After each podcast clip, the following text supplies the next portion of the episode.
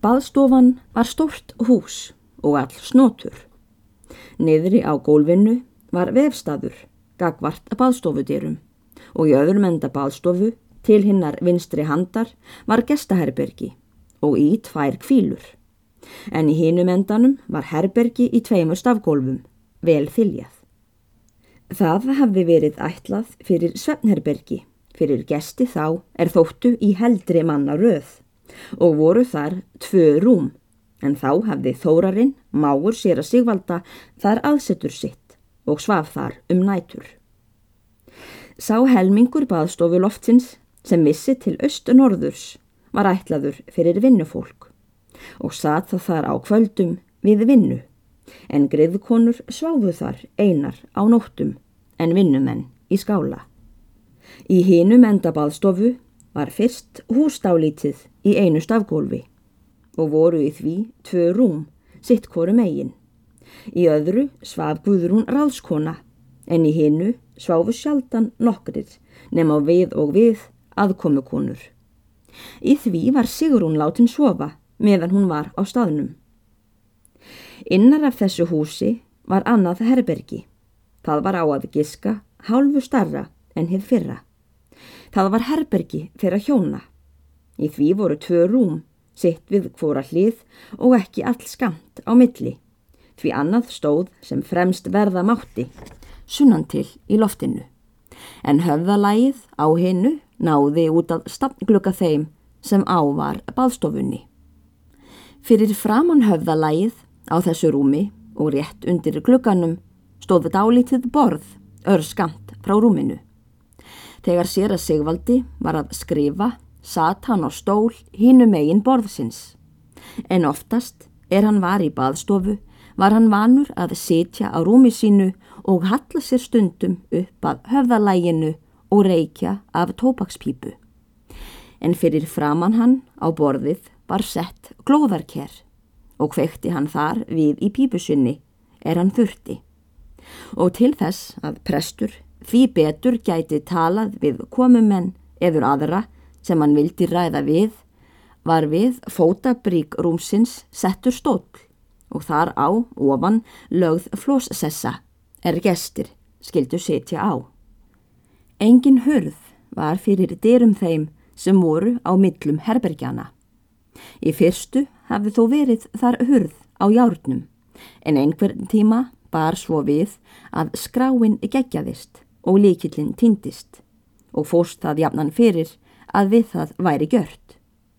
Var hurðin síðan svona skráarlaus um hríð en loks let prestur með öllu taka hana í burt og bar það fyrir að kötturinn hlipi oft um nætur milli herbergjana og skældi þá hurðinni svo hart er hann træðist út eða inn um dyrnar og gjörði þeim sem svæfu þar í herbergjónum hið mesta ónæfi. Það var venja þar á staðunum á vetrum að jafnan var sofið í rökkrum nokkra stund fram yfir dagsettur eða lengur og láð þá hver í sínu rúmi. Prestskona var svefnstik mjög og var hún því vön að leggja sig upp niðri í húsi bróður síns og þótti henni trúra um að hún ekki heyrði þar neitt háfaða á meðan hún væri að festa svefnin, heldur en ef hún svæfi upp á loftinu. Sigrún var og vön rökkursvefni og lagðist hún jafnan í rökkurinu sem aðrir í rúmsitt í fremra loftherbyrginu. Það var eitt kvöld, fáum dögum eftir að hún var komin að staðinum, að hún hafði lagt sig þar út af. Allir fram í baðstofunni voru fast sopnaðir og hrutu. Sigurún grúfi sig niður í rúmið og hafði breytt brekkánið ofan á sig og snýrist til vekkjar og reyndi til að sopna. Guðrún satt enn inn í húsi fyrir hjóna en prestur gekk þar um gólf og reykti en húsfreyja var gengin að venju að sofa neyðri í húsi og var þá vel hálf rokkið. Sigrún getur nú fyrst um sinn ekki fest svefn og líður svo nokkur stund að hún liggur vakandi. Tekur hún þá eftir því að prestur gengur fram í hústyrnar og stendur þar við um stund og þykir henni því líkast sem hann hlusti eftir nokkru.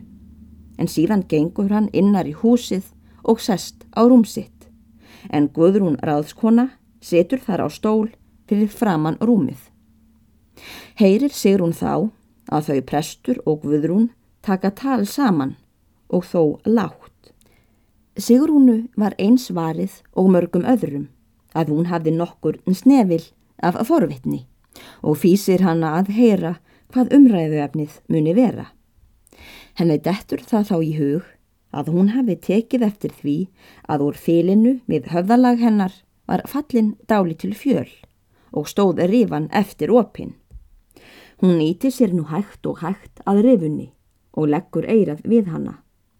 En þó ekki væri talað herra en í hálfum hljóðum heyrir hún samt öll orðaskil og samhengi þess sem talað er og var það upphaf ræðunar að prestur segir við Guðrúnu Sofa allir hérna fram á loftinu, sýstir. Það heyrist mér, bróður minn góður, sagði ráðskona. Hum hum, stæði prestur og eins hún þarna hlýðarpíkan fram í húsinu. Og það held ég, ekki heyrist mér betur, svaraði ráðskona. Ég verð þá, Guðrún sýstir, að segja fyrir fréttir að því sem ég einhver tíma hefi minnst á við þig. Við þórarinn minn áttum nú í fyrsta skipti tal saman í gær um hitt. Já, já, og hvað sagði hann? Sagði ráðskona nokkuð þurrleg. Við sátum lengi, tveir einir, fram í stofu og töluðum fyrst svona á víð og dreif. Hum, hum, er glóðar kerið hérna? og seinast nýræðan að því sem ég hef oft ætlað mér að tala um við hann. Ég let hann ráða í hvers hann kynni að meiga vænta ef hann vildi fara að mínum ráðum. Sem sé að ég myndi ekki vera ófús á að taka mér hann fyrir kapelán og fá honum helmingkerna af staðnum til ábúðar. Alltaf þriðjungi af öllum föstum tekjum og fyrir ekstraverk eftir samkommulagi þó með því skilirði að hann reyndist mér sem hlýðin og auðsveipur svonur, hum hum. Og ætti þá stúlku sem mér væri ekki á móti skapi, efnagóða, honum að öllu sambóðuna, ráðsetta og reynda, hum hum, taktu eftir, utan hús og innan í hverju sem er. Ég þarf ekki að segja þér við hverja ég átti. Það hefur lengi verið hugur minn að koma því svo í kring að þú fengir viðunanlega giftingu þegar þú ferð úr mínum húsum. Guðrún sög upp í nefið og mælti. Já þér hafið nú lofað mér því í fyrri og hvernig tók hann undir. Fálega. Þetta kom eins og þú getur nærri, flatt upp á hann. Hum hum. Hann tók þó af engu og játaði heldur ekki neinu. En engin eik fellur við fyrsta högg. Ég bauð honum að láta þetta vera svona fyrstum sinn. Hann skildi hugsa sig um. En þó yrði allt að vera skellt og felt fyrir fardaga í vor, sökum jarðarinnar, ef hann hugsaði upp á búskap í ár. Ég er farin að letjast að þjóna þessu örðuga, vesæla og mér í mörgu tilliti óhallkvæma brauði. Hum hum. Og því sagði ég honum að ég hefði ásett mér að fresta því ekki lengur að taka einhvern gæðfeldan mann mér til aðstóðar. Sjálfsagt leti ég hann njóta þess fremur en aðra vandalösa ef hann vildi fylgja mínum ráðum, en hann erði að segja annað hvort að eða á í seinasta lægi fyrir messur. Hum hum. Nú ég kalla hann eigi þá að fá nægan umhugsunartíman fyrst þetta á að býða fram á mitt sumar, sagði Guðrún og þó nokkuð þurrlega.